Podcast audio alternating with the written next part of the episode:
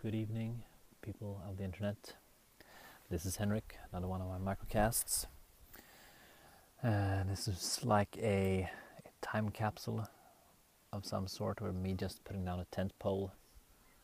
Um, yeah, and no particular reason other than the fact that I felt inspired. Um, I love the fact that I live in the land of almost midnight sun.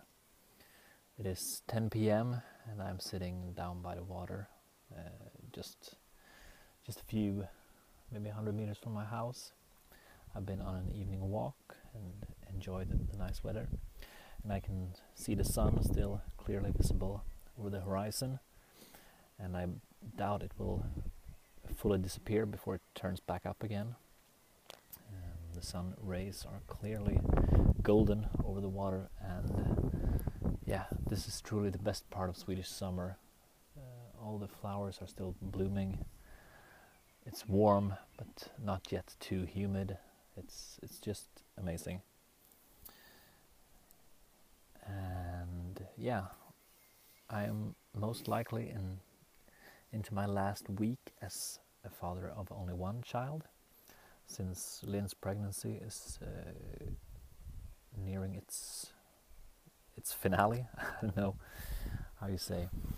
Um, according to to what's been calculated, we're like a week and a half or something away from the day that our second child is supposed to be born. But I bet it's just a week or less left before I will have two children.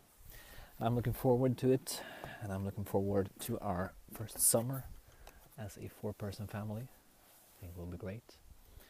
Uh, my in-laws are currently living with us this week to be able to take care of Iris uh, once uh, once Lynn go in, goes into labor and we need to go to the hospital.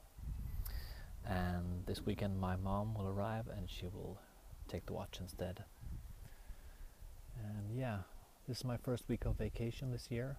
Uh, so far I haven't really settled down yet feels like, uh, mostly because of the pregnancy thing, not, not really knowing when things will start.